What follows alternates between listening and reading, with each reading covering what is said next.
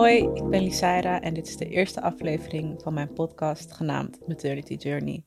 Ik ben met dit initiatief begonnen omdat helaas recentelijk mijn zoontje is overleden. En toen hij kwam te overlijden was ik heel erg veel uh, over hem aan het posten en op social media heel erg. Ik voelde gelijk de drang om dat te doen. En toen kwamen er heel veel mensen naar me toe met, oh wat goed dat je dit deelt en wat jammer dat er eigenlijk niet zoveel over gesproken wordt. En toen dacht ik eigenlijk van ja, maar waarom niet? Waarom zou je niet over je kind praten als, als hij komt te overlijden? En zo ben ik eigenlijk op het idee gekomen om, om er wat mee te doen. Om voor mijn part mijn zoontje te eren en ook om anderen te inspireren om hun kind ook te eren. En dat voelt gewoon goed voor mij. Ik vind het ook heerlijk om over hem te praten of om bepaalde dingen over hem te delen. Zodra je zwanger bent of als andere vrouwen bevallen van een kindje die wel blijft leven, dan wordt dat ook gedeeld. Dus waarom zou je eigenlijk niet delen als het misgaat? Hoe pijnlijk het ook is. Ik wil heel graag helpen om dat taboe te doorbreken. En los van dat het een pijnlijk onderwerp is, vind ik wel dat het besproken moet worden. In deze aflevering ga ik praten over mijn bevalling en over de geboorte en het overlijden van Kian. En dan ga ik gewoon bij het begin beginnen. Mijn naam is Lisaira. Ik ben 27 jaar oud. Ik ben geboren en getogen in Amsterdam. Ik werk sinds twee jaar als zelfstandig in de zorg. Daarvoor heb ik ook een aantal maanden in de zorg gewerkt. En ik werk met verschillende doelgroepen. Dus van psychiatrie tot verstandelijk gehandicapten, tot, um, tot ouderenzorg. En wat ik eigenlijk doe is het begeleiden van. En in mijn werk zie ik ook, heb ik ook heel veel te maken met andere mensen, met zorgen voor mensen, met bepaalde problematiek die daarbij komt.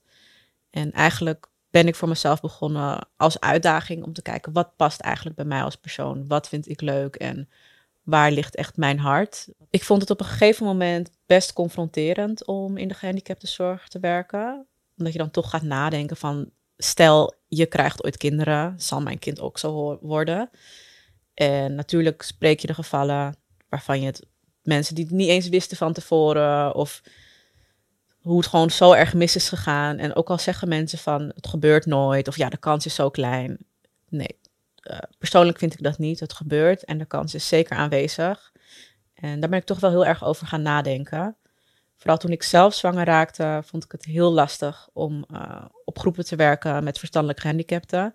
Ik heb dat toen ook heel even vermeden, omdat het te confronterend was en heel stom. Maar ik dacht, ja, ik werk hier nu met mijn buik. Straks krijg ik ook een gehandicapte kind. Slaat natuurlijk nergens op, maar dat was wel mijn angst, omdat het dan naar mijn gevoel te dichtbij kwam. Toen ik iets verder was in mijn zwangerschap, merkte ik dat het eigenlijk helemaal niet eng was. En dat ik juist liever werd naar de cliënt toe en nog een warmer hart had en de zorg juist nog beter wou doen. Omdat je toch ziet dat het een hele kwetsbare doelgroep is en je wilt zo erg je best doen. En dat merkte ik wel. En dat vind ik juist een van de mooiste dingen in de zorg. En te zeggen, en ik sta daar helemaal achter, de zorg is echt iets wat je met je hart moet doen. En Anders is het gewoon geen vak wat je moet doen. Vroeger was ik, of tenminste voor mijn zwangerschap, was ik echt een sociaal persoon. Ik vond het leuk om leuke dingetjes met vriendinnen te doen, om lekker uit eten te gaan. Ik vond het leuk om te winkelen. Gewoon lekker de hoort op, zeg maar. Vandaag de dag doe ik dat wat minder. Ik denk dat ik eigenlijk sinds mijn zwangerschap al heel erg teruggetrokken was. Meer op mezelf, vaker thuis. En ik denk dat dat gewoon komt omdat je, als je zwanger bent, er gaat zoveel in je hoofd om. Je, je stelt je gewoon een heel ander leven voor en je bent je eigenlijk mentaal en fysiek daaraan aan het op voorbereiden. En nu de huidige situatie waar ik me nu verkeer, is het gewoon de ene dag op de andere dag is het heel anders wat ik uh, leuk vind of wat voor behoeftes ik heb om mijn dag te vullen op die manier. Soms heb ik dagen dat ik de hele dag in bed lig. Andere dagen vind ik het dan wel weer leuk om uh, gezelschap op te zoeken. Ik zou niet zo snel meer de stad in gaan, maar nu ben ik meer een persoon die dan naar een vriendin toe gaat of dat we binnen huis afspreken. En vroeger wou ik juist altijd buiten zijn. Iets voor mijn zwangerschap was ik al wat rustiger. Ik uh, was veel bezig met werk. Ik uh, werk voor mezelf en ik had heel veel doelen voor ogen. Nog steeds eigenlijk. Ik wou heel graag bepaalde doelen behalen en ik was heel erg daarop gefocust, waardoor ik heel rustig was, meer thuis en echt bezig met mezelf. En toen raakte ik zwanger. Ik was 26 jaar toen ik zwanger raakte. Ik wist eigenlijk al gelijk dat ik het wou houden. Het was als een verrassing gekomen, maar ik voel, het voelde gelijk goed.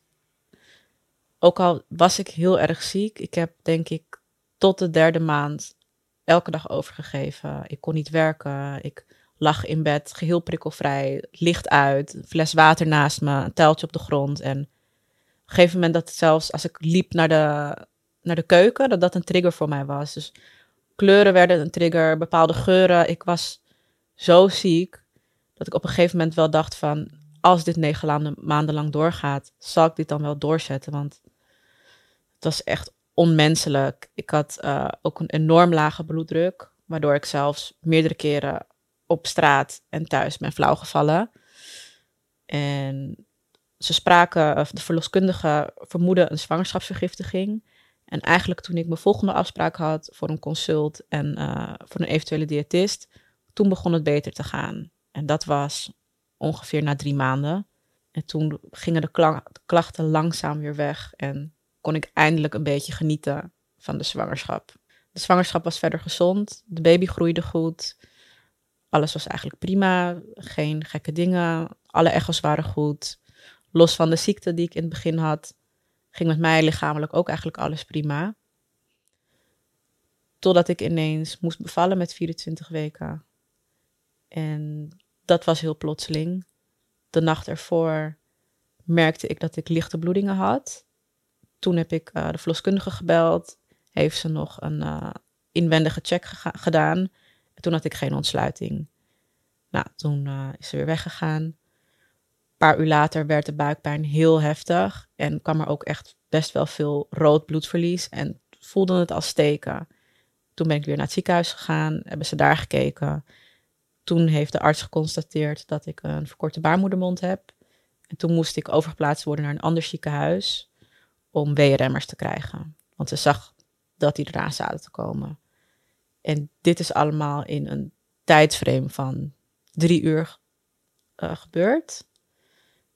Toen ik op de brandkar lag en echt in een ambulance kwam te liggen en de sirenes aangingen, toen wist ik wel dat het foute boel was en raakte ik in paniek. Ik zag ook dat de broeders in paniek raakten. Die spraken met een soort, soort codetaal naar elkaar toe.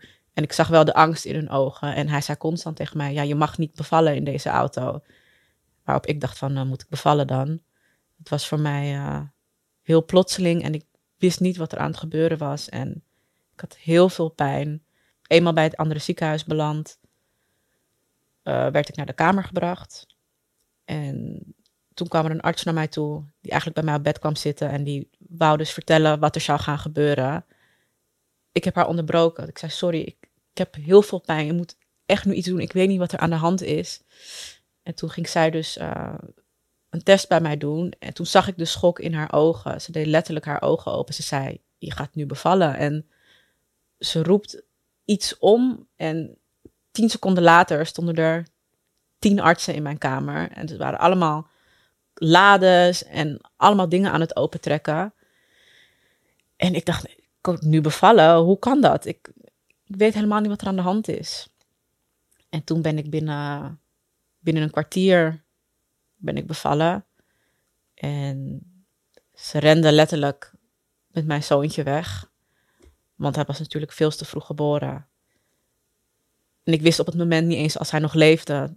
Dat was mijn angst. Ik zei ook constant: leeft hij nog? Wat gaat er gebeuren? Waarop hun natuurlijk gaan zeggen: ja, we gaan ons best doen.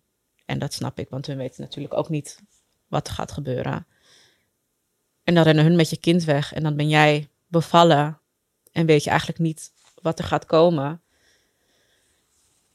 En dan wacht je op nieuws. Dat heeft denk ik twee à drie uur geduurd voordat ze naar beneden kwamen. En dan uh, nemen ze je kind mee met de couveuse.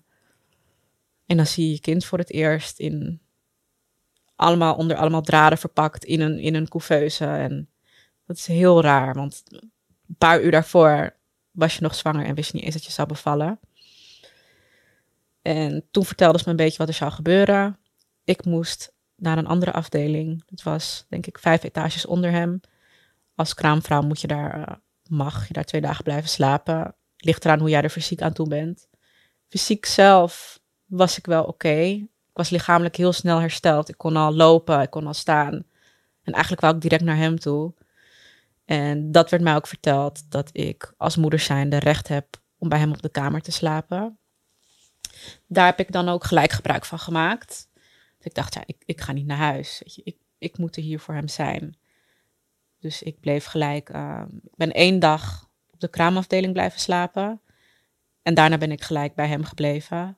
Je hebt dan een soort van slaapkamer. Of uh, hij heeft dan uh, zijn kamer. Hij was alleen. En dan ligt hij op de couveuse. En daarnaast is een slaapbankje. En er is een douche en een toilet. Ja, het is natuurlijk geen uh, vijf-sterren hotel. Maar ik dacht, het moet maar. Mijn kind moet weten dat ik er voor hem ben. En ik vond dat wel heel belangrijk dat hij wist dat ik aanwezig was, dat hij dat voelde. Kort na de bevalling kwam ik erachter dat ik er alleen zou voorkomen te staan. En ik denk ook mede daarom dat ik dacht: nee, ik moet, ik moet hier zijn. Ik moet hier elke dag zijn. Mijn kind moet weten dat ik er wel ben als ouder. En het was zo een groot schuldgevoel en ik vond het ook heel erg voor hem. En ik zeg vond omdat ik, ik weet achteraf dat Kian beter af is. Uh, zonder mensen die hem de rug toekeren. En ik heb hem wel alle liefde gegeven die ik wil. Constant daar geweest. En ik ben tenminste blij dat ik wel trots op mezelf kan zijn als ouder zijn. Omdat ik alles voor hem heb gedaan. Ik heb alles aan hem gegeven wat ik kon. Soms deed ik mezelf daar zelfs tekort in als jij een kindje hebt die prematuur geboren is of die in ieder geval aan de beademing ligt, mag hij, als hij daar stabiel genoeg voor is, op jou komen te liggen.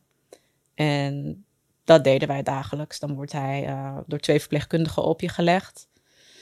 En dat is heel fijn voor een baby, want dan voelt hij zijn moeders huid, zijn moeders uh, hartslag, zijn moeders contact. Kangeroe noemen ze het ook wel, buidelen. En dat doet een kind heel goed. En omdat ik wist dat dat hem heel goed deed, deed ik dat uren per dag.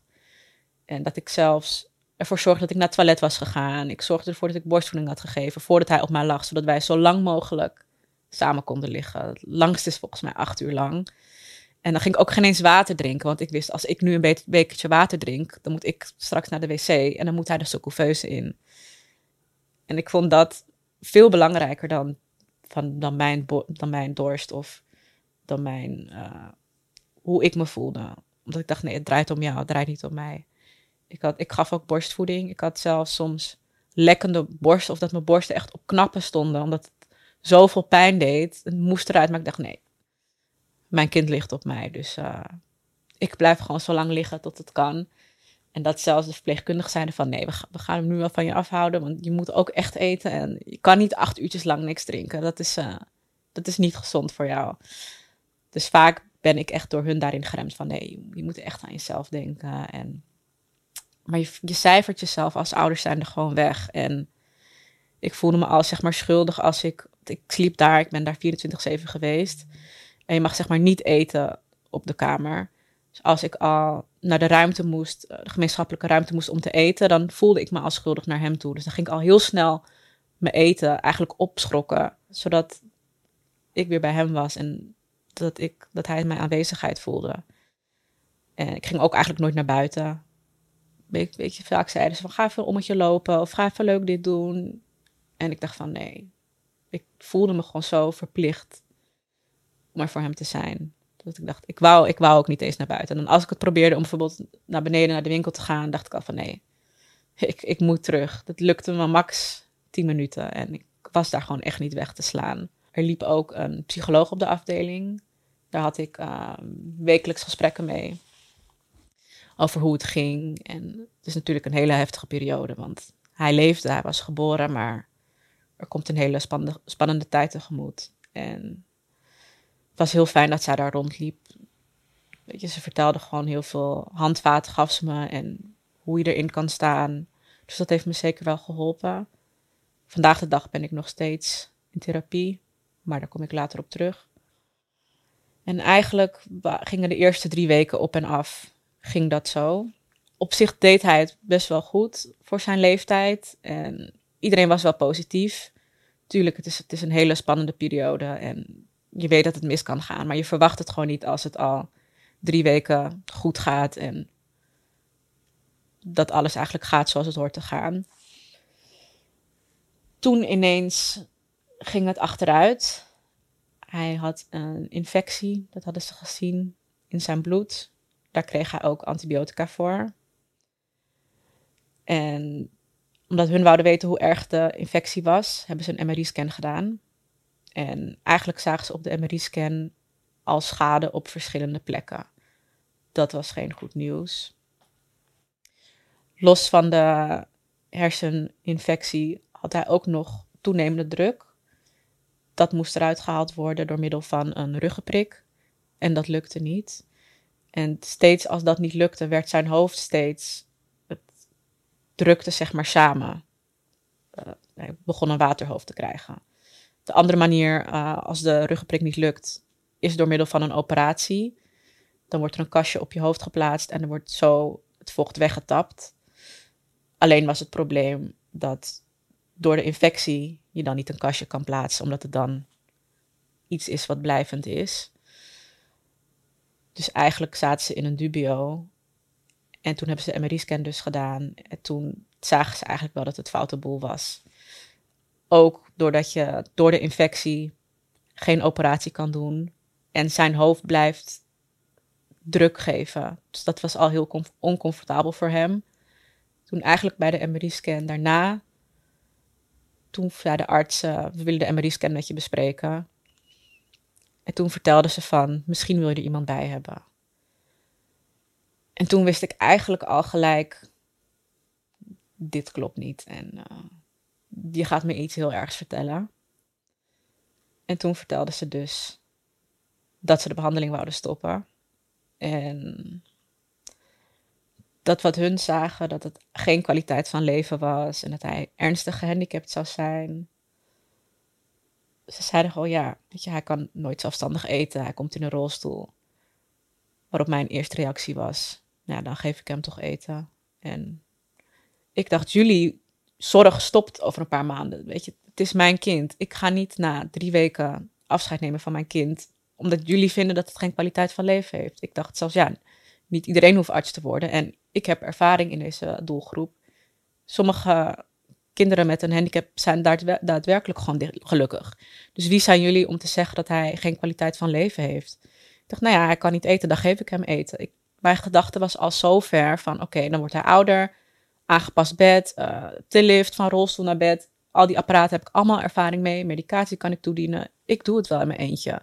Als ik, als ik op werk ben, dan huur ik een ZZP'er voor thuis in ik weet hoe die dingen gaan. Dus het is niet onmogelijk. En ik wil wel gewoon dat jullie, de, dat jullie het voortzetten. Daar ging het ziekenhuis niet mee akkoord.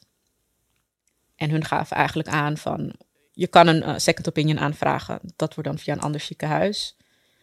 En als hun de behandeling willen voortzetten, dan zal jij met Kian daar naartoe moeten gaan.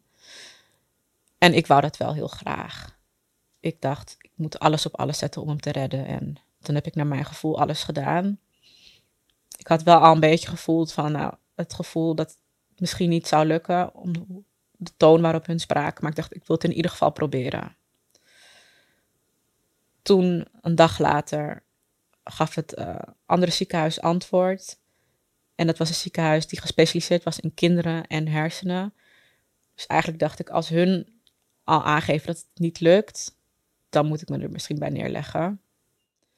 En toen zeiden hun ook al dat ze het niet wouden doen. Ja, en dan houdt het eigenlijk gewoon op. En dan, uh,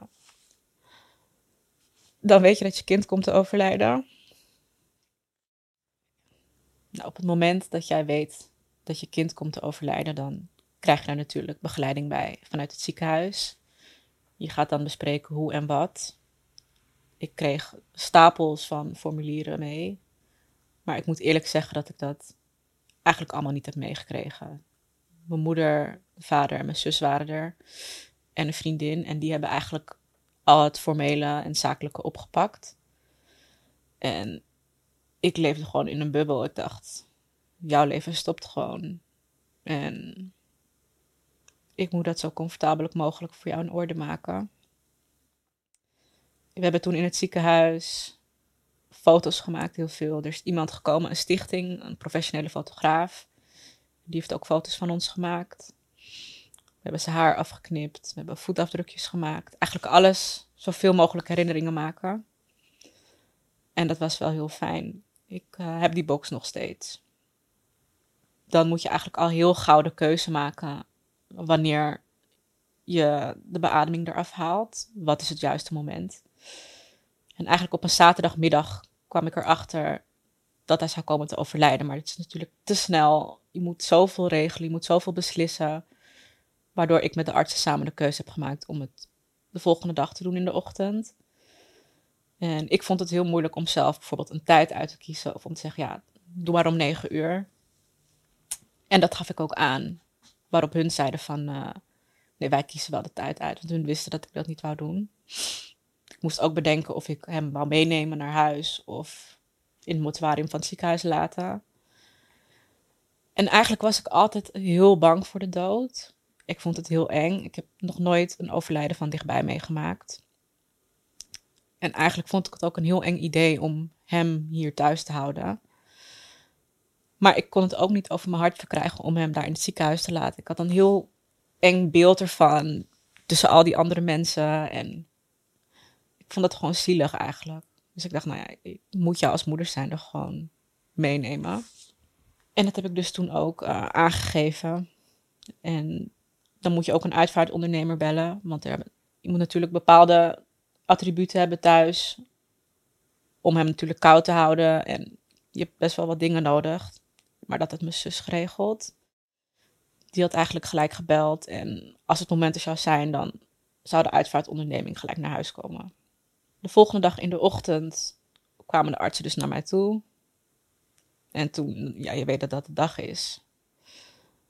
Toen zeiden ze van, we komen gewoon over twee uurtjes terug. En dan probeer je gewoon.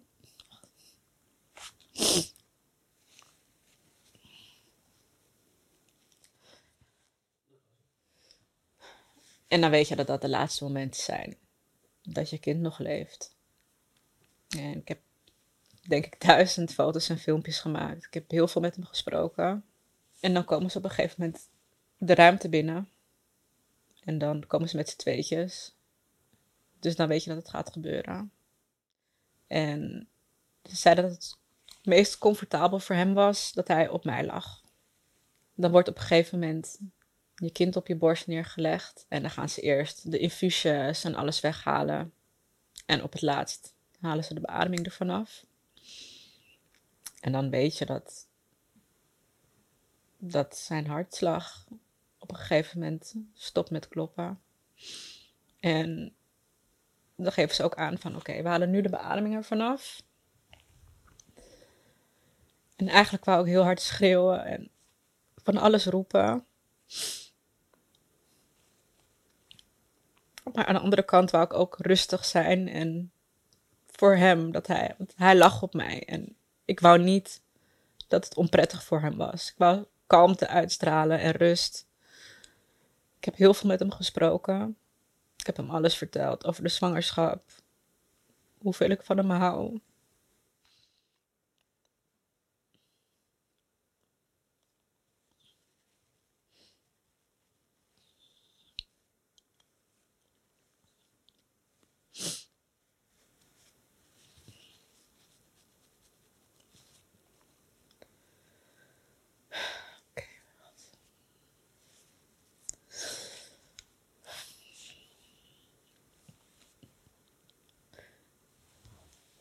Ik vertelde hem ook dat het oké is.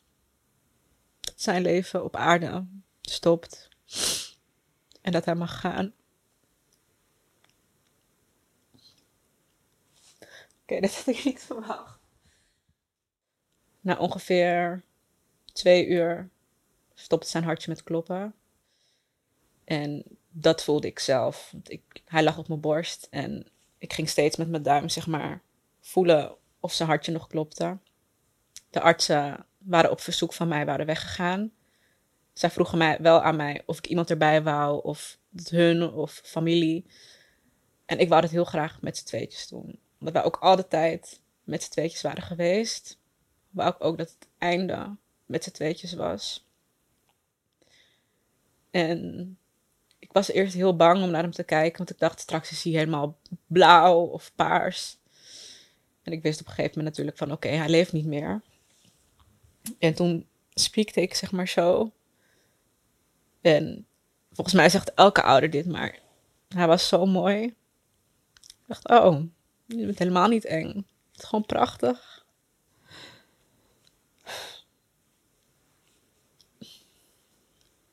Dus toen wist ik al van, gaat gewoon mee naar huis.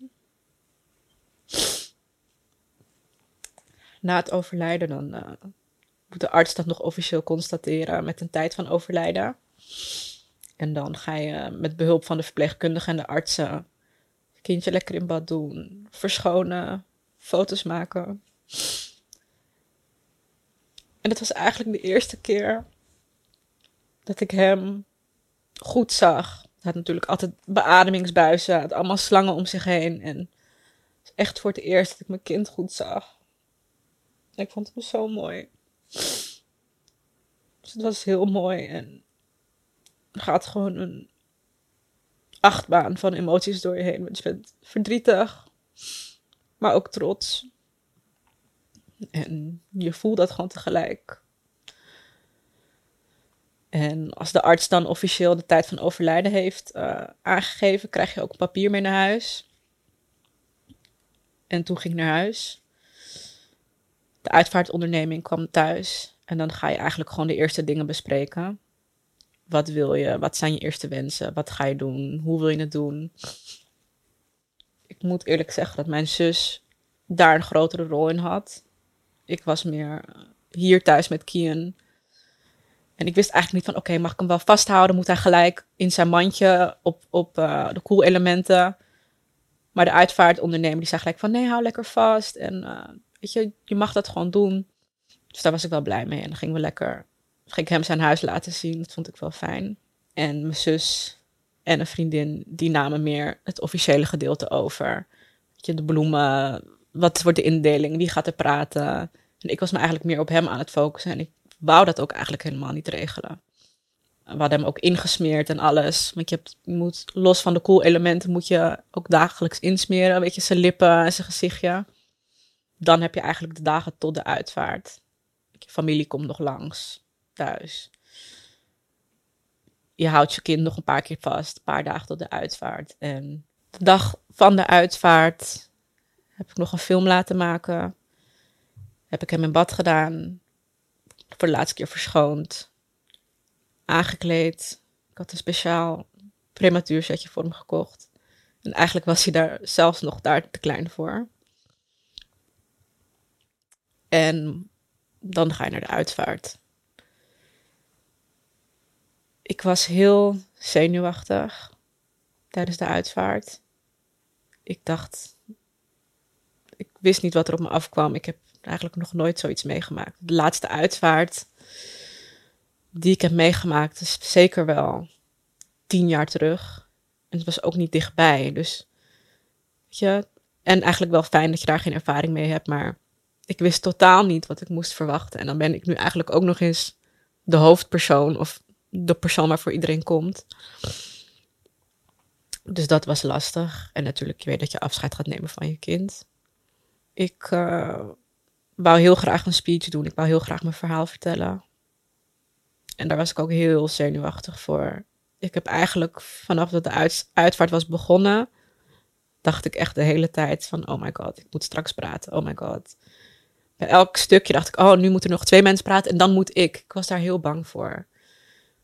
Uit. Ik praat eigenlijk nooit voor grote groepen. Ik ben best wel awkward, denk ik. En ik zat er echt tegenop, maar ik wou dat heel graag voor hem doen. Het voelde als hem zijn podium geven. En dat is dan ook weer een van de redenen waarom ik de podcast ben gestart. Om hem te eren, om hem zijn podium te geven. Want dat verdient hij gewoon. En het voelt gewoon goed om dat voor hem te kunnen betekenen. Dus toen ik moest praten, liep ik eigenlijk naar voren toe. En toen kwam er een soort van gloed over me heen. Een gloed van kracht, denk ik. En het ging gewoon heel makkelijk. Nou ja, makkelijk wil ik het niet noemen, maar het ging. Het lukte mij om te praten. Wel af en toe met een traan, zoals nu. Maar het lukte wel. En ik heb gezegd wat ik wou zeggen. En achteraf ben ik wel blij met hoe alles is gegaan op de uitvaart. Ik vond het heel mooi. En dan breng jij als laatst je zoon weg. Ik heb er persoonlijk voor gekozen om hem te laten cremeren. Zoals ik net al aangaf, ik heb niet heel veel ervaring met overlijden of in mijn omgeving. Dus ik wist eigenlijk niet van, oké, wil je begraven of wil je cremeren? En persoonlijk voor mij was cremeren het beste, omdat ik dacht, dan heb ik hem altijd nog bij me. Dat klinkt misschien stom, maar ik dacht voor mijn gevoel is dat fijn. Dan kan ik, ik wil mezelf later ook door deze keuze laten cremeren. En dan weet je dat ik ons tegelijk laat uitstrooien. Of eerst dacht ik nog van, nou ja, ik laat misschien een tattoo zetten met zijn as. Of een kettingje. Ik dacht, dan heb ik nog tenminste iets van hem. Want voor mij persoonlijk weet ik zeker, als ik hem had begraven, dan was ik elke dag urenlang op die begraafplaats. En daar is natuurlijk niks mis mee. Maar ik dacht, stel ik ga een keer op vakantie of ik ga een keer weg. Hoe ga ik me dan voelen? Ik was laatst ook een dagje uit logeren. En toen had ik zelfs een as meegenomen, omdat dat gewoon prettig voor mij voelde. En ik zeg niet dat ik dat altijd ga doen of over tien jaar nog. Maar voor nu voelt dat gewoon heel prettig en comfortabel. Ja, dan ga je naar huis. En dan begint het eigenlijk echt. De rouw. Dan besef je echt van oké, hij is er echt niet meer. En hoe ga ik nu verder? Toen ik thuis was, merkte ik dat ik heel erg de behoefte had om alleen te zijn. En even te relativeren wat er de afgelopen dagen is gebeurd.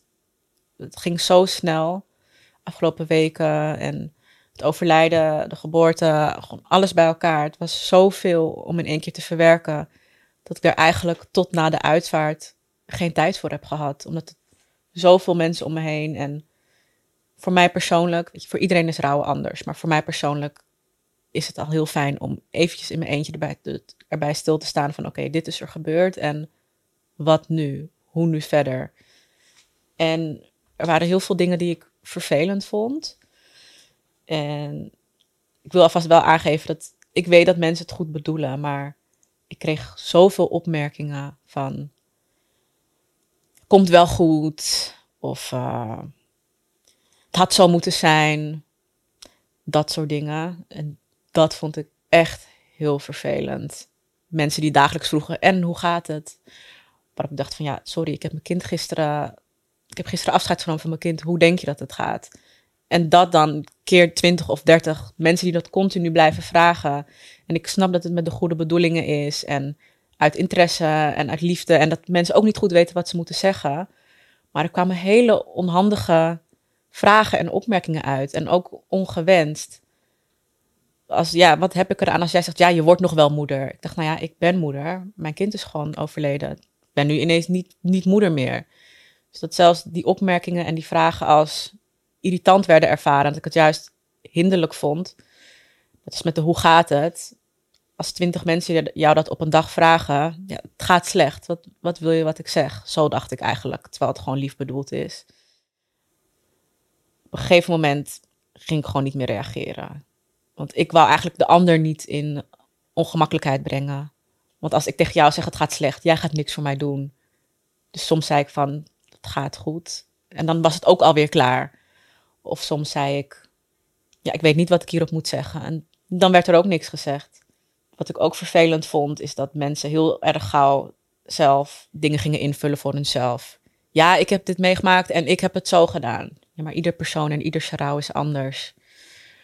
Of als ik bijvoorbeeld aangaf dat ik weer een dagje ging werken of eventjes naar de winkel ging. Oh, ik ben blij dat het beter met je gaat, want je gaat naar de winkel.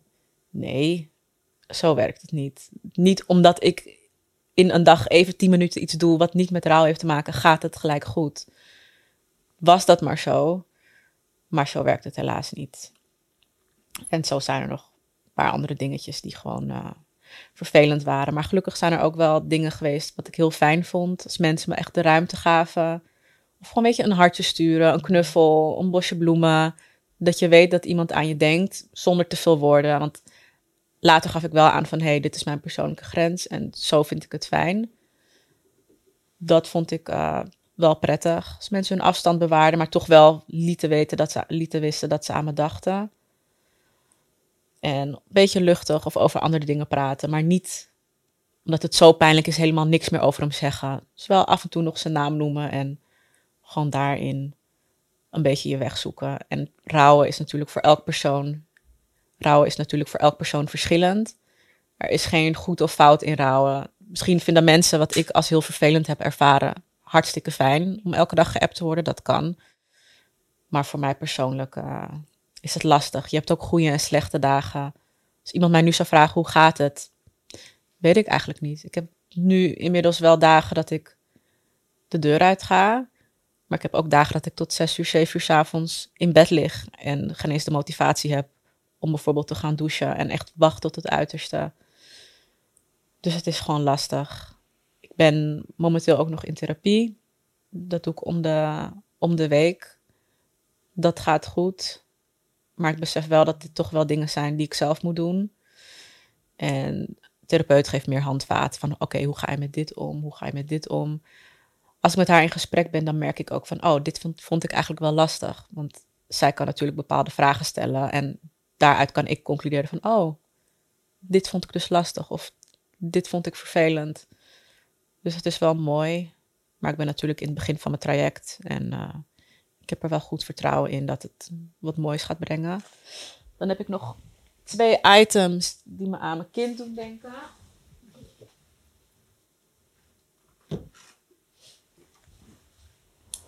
Ik heb hier twee knuffeltjes.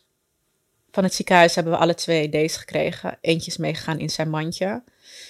Onder het mom van eentje voor jou, eentje voor mama. En toen hij thuis was, heb ik deze de dagen dat hij nog hier was, bij zijn armpje gelegd. En deze ligt eigenlijk elke avond naast mijn kussen. Ik vind dat gewoon fijn om mee te knuffelen, aan te ruiken. Dat het me aan hem doet denken. Ik heb ook gips laten maken. Met zijn handje, zijn voetjes en een foto eronder. En deze ligt naast mij op bed. En dat vind ik ook fijn. Dit was een gedeelte van mijn verhaal in een notendop. Mocht je vragen of opmerkingen hebben, dan hoor ik dat heel graag. Mijn DM staat ook altijd open voor iedereen die wilt praten of wat dan ook. Laat me vooral weten wat je van de aflevering vond. Ik vond het fijn om een gedeelte van mijn verhaal te vertellen over Kian. En tot de volgende keer.